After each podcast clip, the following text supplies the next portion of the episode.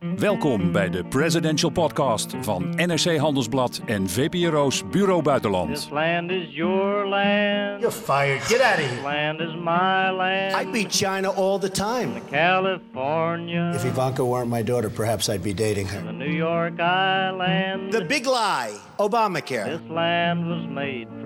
you and me. Alles wat u wilt weten over de Amerikaanse president met NRC-correspondent Guus Valk en VPRO-presentator Chris Keijnen. This land was made for you and me.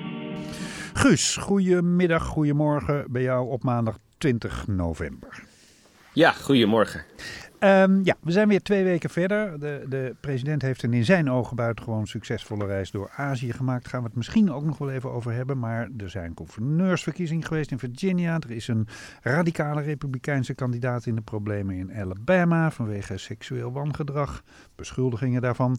En er is weer van alles aan de hand in het eh, Rusland-onderzoek. Misschien moeten we toch, al zal de president dat zelf niet prettig vinden, daar even beginnen. Ehm, Laat ik hiermee beginnen. Anderhalve week geleden werd bekend dat eh, Donald Trump Jr. eerder al in de problemen vanwege die ontmoeting met die Russische advocaten, die belastend materiaal over Hillary zou hebben, dat hij in contact heeft gestaan met Julian Assange van Wikileaks. Wat is daar precies aan de hand? Het is een. eh, eh, wat, wat we inmiddels weten is, en dat is eigenlijk ehm, eh, de hele tijd aan de hand, het is een soort, soort, soort drama in slow motion. Dus iedere keer als we iets weten, iets, dan, dan, dan, dan is het een soort tussenstand en een paar weken later weten we weer meer. En dat is precies ook met deze, met deze Wikileaks-zaak zo. Ehm, eh, er was natuurlijk al een groot vermoeden van dat er een zekere samenwerking was tussen Wikileaks en de, de, de Trump-campagne. Dat kon je onder meer zien aan ehm, eh, ja, tweets van mensen uit, eh, uit de omgeving van Trump over eh, Wikileaks, waarin toch wel een zekere voorkennis werd verondersteld. En ook de timing van sommige tweets van Trump en de manier waarop hij Wikileaks gebruikte in zijn campagne. Namelijk ze, ze voortdurend bedanken en, en oproepen tot, tot het hacken van de e-mails van Hillary Clinton. Ehm, die suggereerde al een, een zekere coördinatie, een zekere samenwerking. Maar dat wisten we, we wisten niet precies wat er aan de hand was.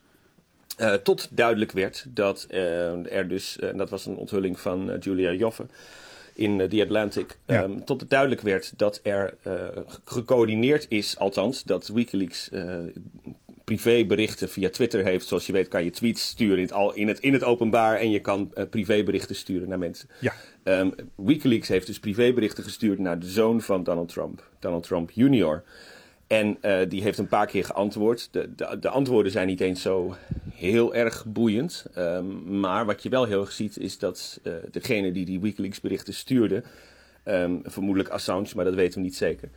ehm, ja, toch wel heel erg zocht naar samenwerking tussen de Trump-campagne en deze organisatie. Die we toch altijd kenden als een ja, een beetje boven de politiek zwevende eh, club. Die meer al andere belangen had als volledige openheid van, eh, van zaken bijvoorbeeld. Ja. Dus er zit heel veel, d- ja, daar, daar zit heel veel ruis. En ook heel veel vragen roept dat op. Want ehm, eh, de dingen die eh, Assange, zeg ik even tussen aanhalingstekens, want dat weten we niet zeker. Maar de dingen die, die, die de auteur van die mails, van, van, die, van die berichten in ieder geval stuurde, gaat het de hele tijd over van.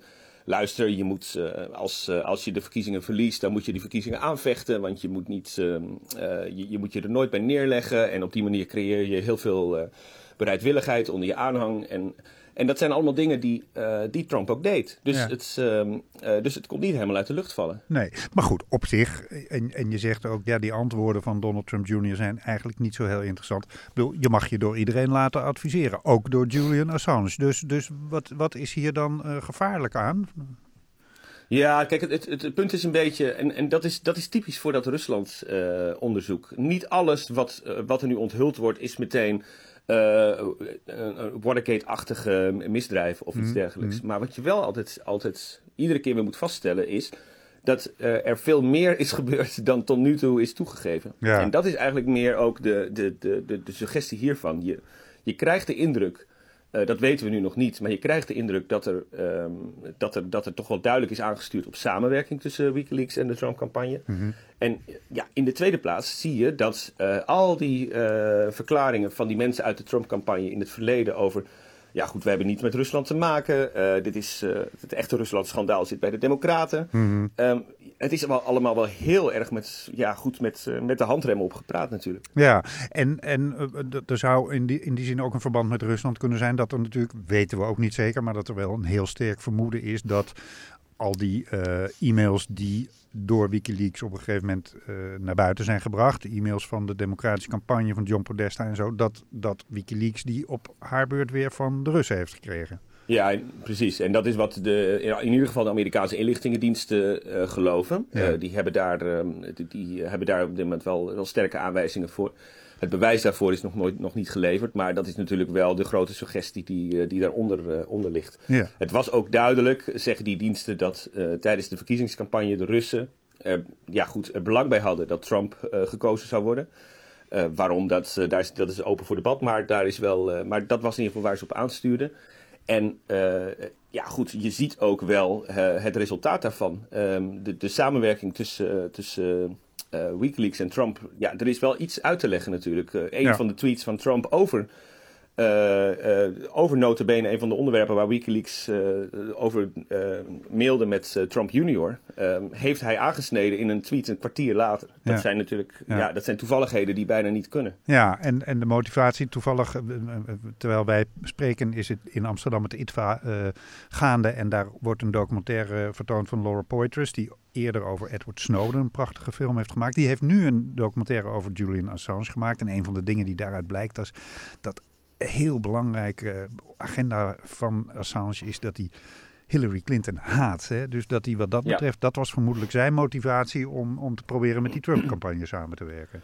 En dan, en dan valt dat samen met een Russische agenda om ook Ja. ehm, eh, om, om in ieder geval zoveel mogelijk eh, chaos en verwarring te stichten in de, eh, in de Amerikaanse verkiezingen. Ja. Poetin heeft zijn eigen reden om Hillary Clinton te haten. Die gaan ook al heel lang samen terug. Ja. Dus daar, was een soort, daar, daar ontstond er waarschijnlijk een soort perfecte storm. In ieder geval had iedereen op dat moment even hetzelfde belang voor ogen. Ja. Ehm, maar het, het Mueller-onderzoek naar die, eh, naar die collusion, zoals het heet, dat loopt natuurlijk nog altijd. Ja. Ehm, eh, het net lijkt steeds wijder te worden en steeds wijder. Dus er zit een. Ja, dit, dit, hij is wel duidelijk iets op het spoor. Maar we weten natuurlijk nog steeds niet Nee. hoe hoog in de boom hij gaat zitten. Ehm, iemand anders die eh, opnieuw onder, eh, onder vuur kwam. Hè? Donald Trump Jr. kwam eerder al onder vuur vanwege die eh, ontmoeting met die Russische advocaten. Maar iemand anders die deze week ook weer onder vuur kwam omdat hij dingen verborgen heeft gehouden, wellicht, is Jeff Mhm. Sessions, de minister van Justitie. Ehm, de vorige keer toen wij spraken, de vorige podcast, was net bekend geworden dat twee hoge campagnefunctionarissen zijn aangeklaagd door de speciale onderzoeker Robert Mueller, Paul Manafort en Rick Gates.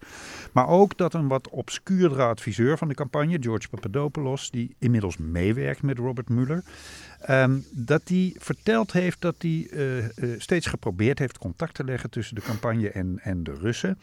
Onder meer in een vergadering waar Jeff Sessions ook bij was. Terwijl Jeff zelf steeds heeft gezegd, ook eh, voor de Senaatscommissie, eh, de onderzoekscommissies, openbare verhoren, dat hij zich van dat soort vergaderingen niets herinnert. Ehm, is zijn geheugen inmiddels opgefrist?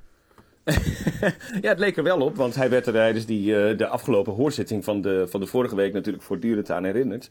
Maar het verweer van Sessions de hele tijd, ehm, en, en dat deed hij wel slim hoor, moet ik zeggen. Ehm, het verweer was de hele tijd, ja, ik, ik herinner het me niet meer. Ik, ik ben het vergeten. En er is natuurlijk eh juridisch een groot verschil. Als iemand iets vergeten heeft, eh, ge- ge- vergeten heeft, is het natuurlijk iets heel anders dan wanneer iemand iets bewust verzwijgt. Ja.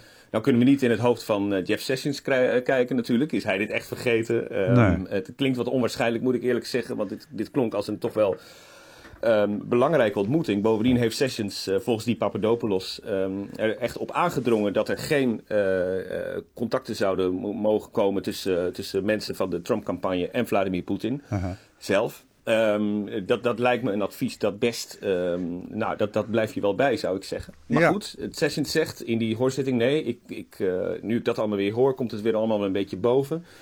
Maar ik was het eerlijk gezegd vergeten. Ehm, en ja, daar, daar, de, vraag is natuurlijk, is dat, is dat juridisch in orde? Is dat politiek eh, voldoende? Dat is heel de vraag. De hele hoorzitting van Sessions door eh, beriep hij zich op een slecht geheugen. Dus dat was een soort rode draad in die, eh, in die hele hoorzitting. Alles wat met Rusland te maken had, het, het beruchte dossier, waar hij inmiddels ook overigens afstand van heeft genomen. Hè? Hij mag als Ja. minister van Justitie niet meer zich bemoeien met het Rusland, eh, met, met, met Rusland in de context van de verkiezingen van 2016.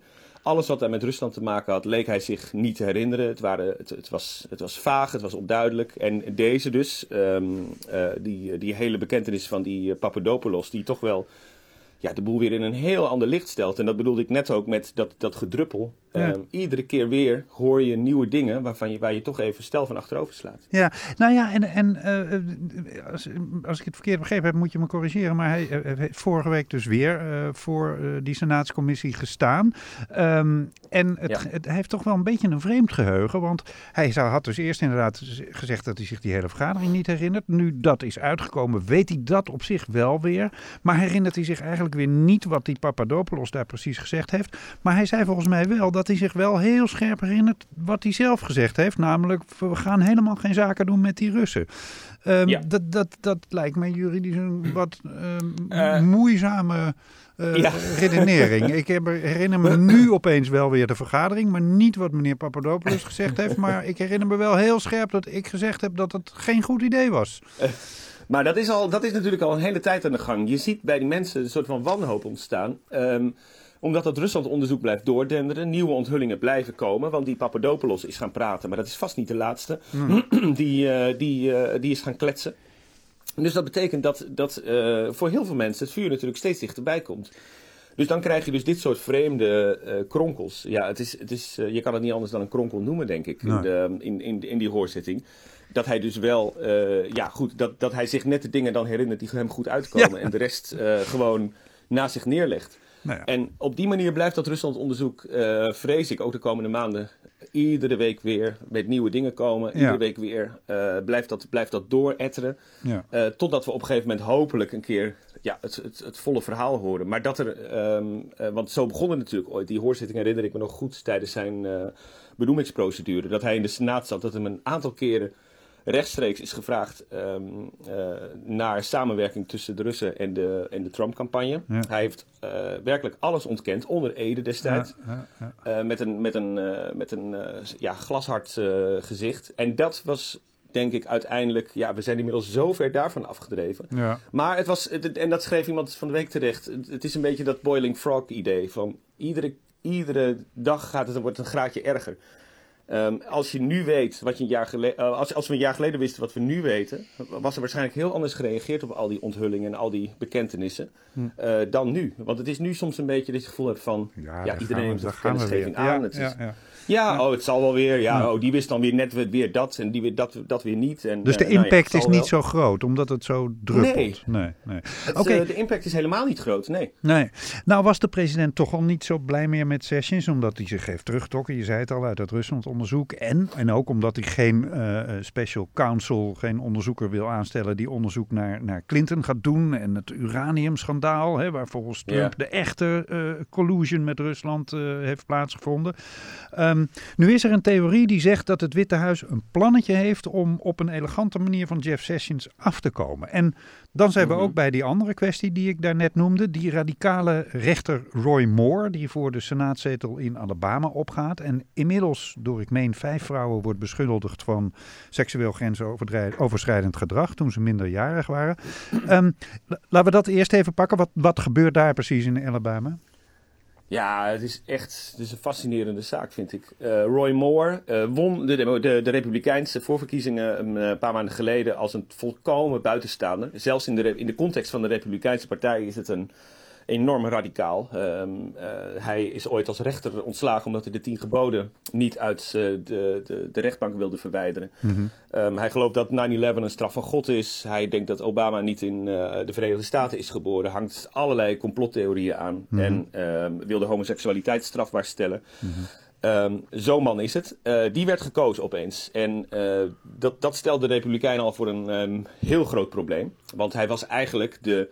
De, ja, hij was voor mensen als Steve Bannon, Sarah Palin, de, de, de, de- die, die, die gasten van Duck Dynasty. Dat, de, de, de, de mensen die, waarvan je kan zeggen dat zijn de, dat zijn de ziel van Trump eigenlijk. Ja. eh, was hij een soort van verlosser. Hij was de man zoals Trump eh, eigenlijk nog steeds zou moeten zijn. Dus, ehm, dus er hangt heel veel gewicht aan die man. Eh, zeker nu hij natuurlijk in de, in de algemene verkiezing ja, iedereen dacht heel makkelijk ging winnen van de, van de Democraat. Tot het moment inderdaad dat er dus onthullingen kwamen over, eh, en dat zijn geen kinderachtige onthullingen, over misbruik van minderjarigen. Over eh, rondhangen in winkelcentra en daar meisjes aanspreken. En hebben we het over een man die, die al in de, in de dertig was destijds. Ehm, we hebben het over ehm, eh, ja, eh, min of meer eh, stalken van mensen. Het- het- hij belde zelfs naar een school toe om een afspraakje te regelen met een meisje. Eh, Echt creepgedrag. Eh, wat er nu eh, naar buiten komt. Ehm, en dat blijft maar komen. Er zijn inmiddels zeven eh, vrouwen inmiddels, waarvan er een enkele minderjarig niet allemaal waren. Maar het was wel duidelijk dat hij zich op hele jonge vrouwen richtte. Ja, en ja. op meisjes. Ja. En dan zou dus je... dat blijft maar komen. Ja. En, Maar- en, nou ja, en het punt is nu, van, we zitten nu van... Ja, deze man is eigenlijk niet verkiesbaar. De Republikeinen willen hem eigenlijk helemaal niet meer. Nee, Mitch McConnell, Ehm, Paul Mitch Ryan, McConnell. de, de, die zeggen de allemaal wegwezen. leiders Die van man- het man- establishment hebben hem al laten vallen. Ja. Ja, maar ja, je kan niet zomaar een, eh, nog geen maand voor de verkiezing iemand van een stembiljet halen. Dat, dat werkt niet. Dus dan zou iemand anders eh, zich bijvoorbeeld in moeten schrijven op, op dat stembiljet. Dat mag wel. Bijvoorbeeld die Luther Strange, die destijds die voorverkiezing had verloren. Of, of iemand anders. Of je moet hem, als hij één keer gekozen is, eh, wegsturen. En vervangen door iemand anders bijvoorbeeld. Nou, in die theorie, daar komt dus die Jeff Sessions opeens om de hoek kijken. Want we hebben het allemaal over de zetel die Jeff Sessions ooit eh, bezette. Ja. Maar die hij moest opgeven omdat hij minister werd. Ja. Ehm, en die, die eh, ja, dat, dat is nu een beetje in het spel. Kijk, wat kan gebeuren in theorie, is dat hij wordt gekozen straks. Want we hebben het nog steeds over een dieprode staat. En als mensen moeten kiezen tussen, eh, ik zeg maar even bijvoorbeeld de pedofiel of de democraat, dan kiezen ze voor de pedofiel. ja. En zijn Ehm, kiezers, zijn kiezers laten hem overigens ook nog niet vallen, hè, blijkt uit peilingen. Peilingen laten zien dat, eh, dat zijn aanhang wel behoorlijk is geslonken. Ehm, en er zijn zelfs peilingen die, dat, die zeggen dat de democraat Doug Jones ehm, inmiddels voor ligt. Dat zou sensationeel zijn in een rode staat als Alabama. Maar een heleboel eh, laten hem niet vallen, omdat hij er ook een strijd maakt van ik tegen de elite. En daar zijn kiezers in Alabama zeer gevoelig voor. Ehm, daar zit een heel groot deel van de Trump-aanhang, Ja. eh, is daar buitengewoon actief. Dus het kan heel goed zijn dat hij gewoon wint. Ja.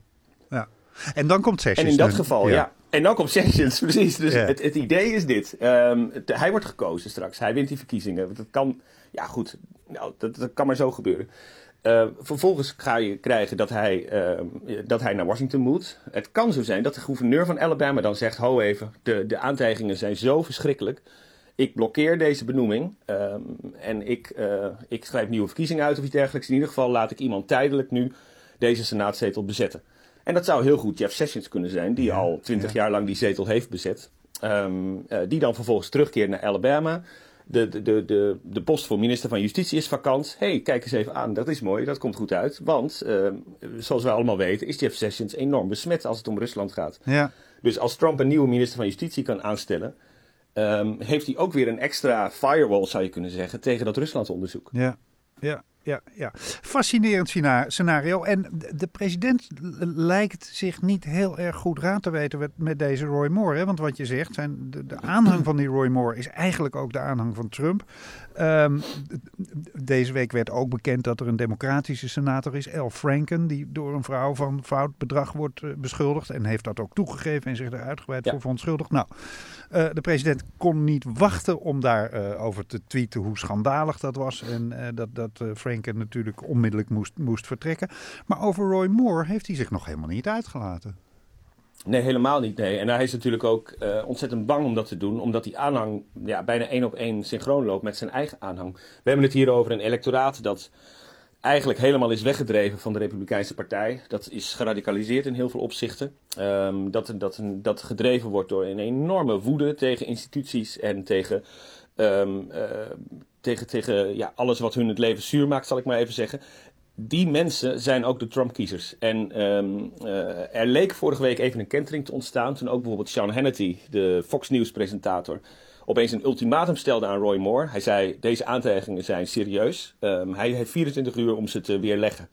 En je weet, als Hannity zoiets zegt, dan vindt Trump dat ook.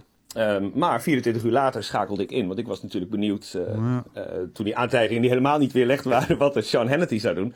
En toen kwam hij met een heel slap verhaal van ja, de mensen moeten het zelf maar weten in Alabama. En het, ehm, eh, misschien is het best om de verkiezingen maar even uit te stellen. Eh, wat waarschijnlijk ook helemaal niet gaat gebeuren. Dus, dus hij, hij gooit het eigenlijk weer helemaal eh, open. Dus die, dat hele ultimatum sloeg nergens op. Dat heeft waarschijnlijk te maken met de invloed van. ehm, dat, dat, dat berichtte CNN uh, korte tijd later ook. De invloed van Steve Bannon. Die ook Trump en Hannity heeft gewaarschuwd van... luister, dit zijn jullie mensen. Die moet je niet kwaad maken. Dit zijn de mensen, daar moet je voor staan. Dus ga niet eh Roy Die Moore kiezers van afvallen, Roy maar blijf Moore. gewoon... Ja, ja, ja. Ja, ga, blijf, gewoon, eh, blijf gewoon achter hem staan. Of in ieder geval, zeg er dan niks over. Maar eh, ga zeker niet roepen dat Roy Moore weg moet of iets dergelijks. Nee.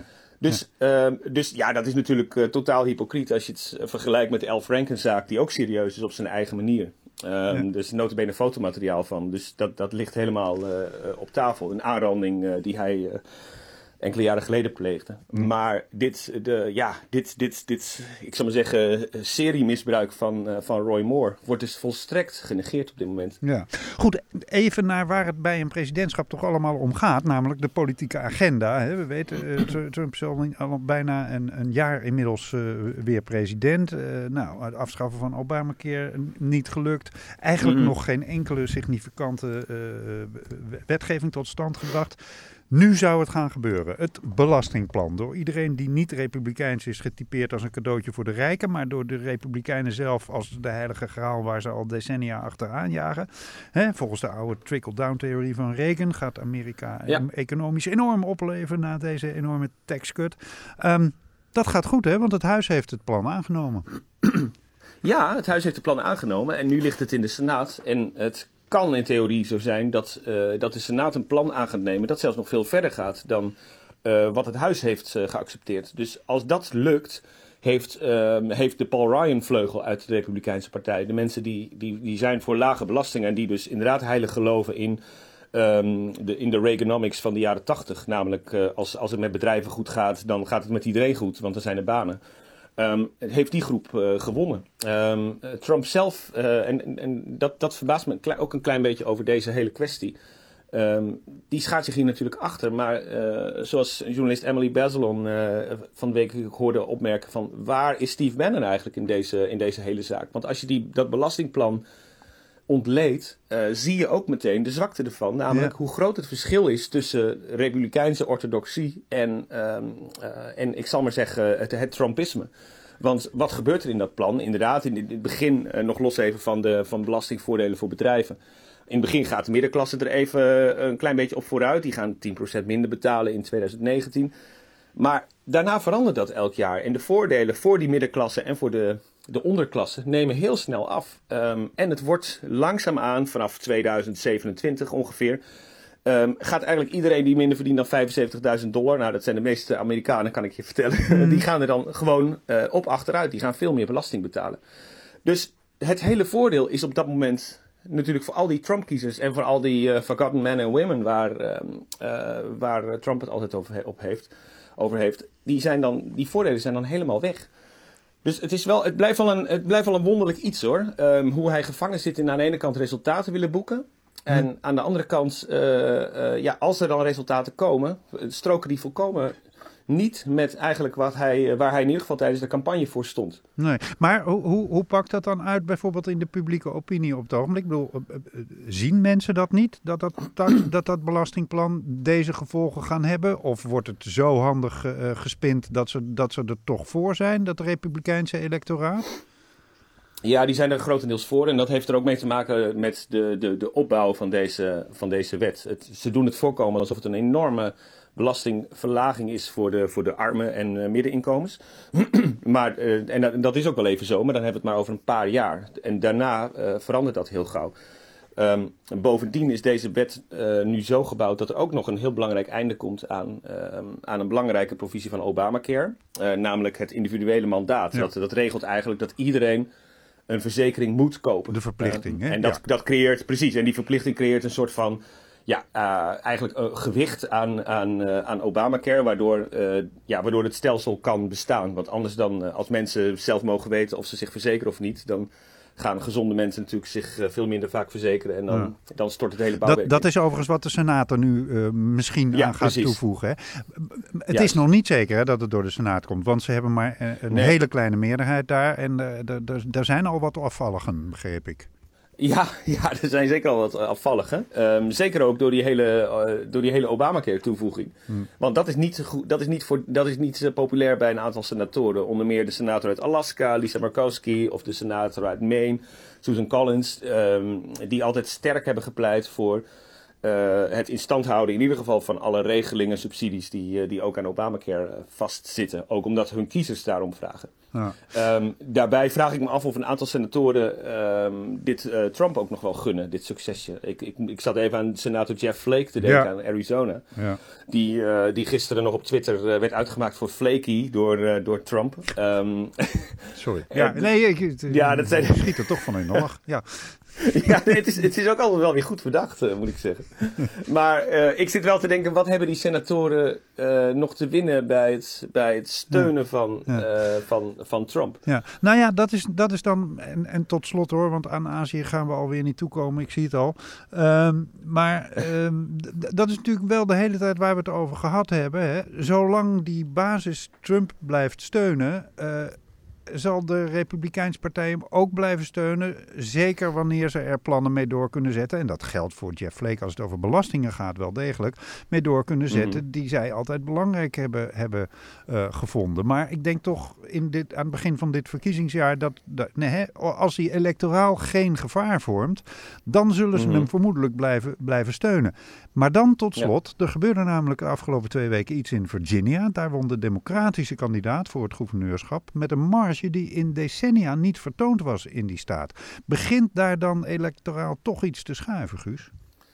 Daar leek het een beetje op. Hè? Ehm, de, de, opkomst onder Democraten was enorm hoog. Ehm, in gebieden waar, ehm, eh, ja, waar het niet heel erg verwacht werd, eh, namelijk ook bijvoorbeeld eh, suburbs rondom grote steden, bleek dat, ehm, eh, dat Trump het ontzettend slecht deed. En dat de Democraten het, of Trump zeg ik erbij, maar we zeggen ja, het de- natuurlijk over Ed Gillespie, de, de kandidaat-gouverneur van eh, Virginia. Maar, Maar, die zich wel als een soort Trump. Trumpiaan eh, neerzetten hè, in de campagne. Dus- Ja, een beetje saaie man die uiteindelijk koos voor inderdaad voor een hele voor een voor de, de ja een soort confrontatietactiek inderdaad en, en Trump begon te imiteren.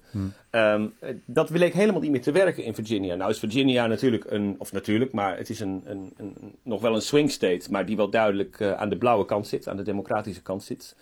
De laatste jaren sterk geurbaniseerd Ja, ja. en eh, dat, dat, dat zie je gewoon terug in verkiezingsuitslagen. Ja. Tegelijkertijd, ehm, de marge was zo groot, ook bij verkiezingen, ik zal maar zeggen, eh, op een lager niveau ehm, in het, in het Huis van Afgevaardigden voor Virginia. En ook in verkiezingen, ja, een beetje verspreid over het land, die er diezelfde dinsdagavond waren.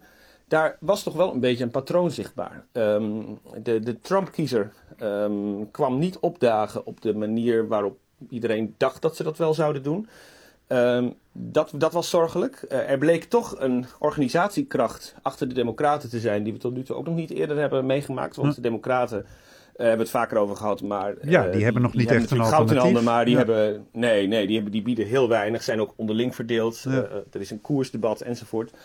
Maar goed, die, die wisten toch een heleboel eh, voor elkaar te krijgen. En zij eh, bleken toch wel de kandidaten eh, naar voren te kunnen schuiven die ook, een soort, voor, ook voor een soort kiezerswoede stonden. En ehm, die kiezerswoede vind ik wel iets om vast te houden de komende maanden. Om te kijken hoe dat, hoe dat loopt. Want ehm, de, de, de afkeer van Trump is buiten de 38, 39 procent van de kiezers die hem steunt, is ontzettend groot. En dat is wel een, een illustratie geweest afgelopen verkiezingen in Virginia, Ja. denk ik. Ja.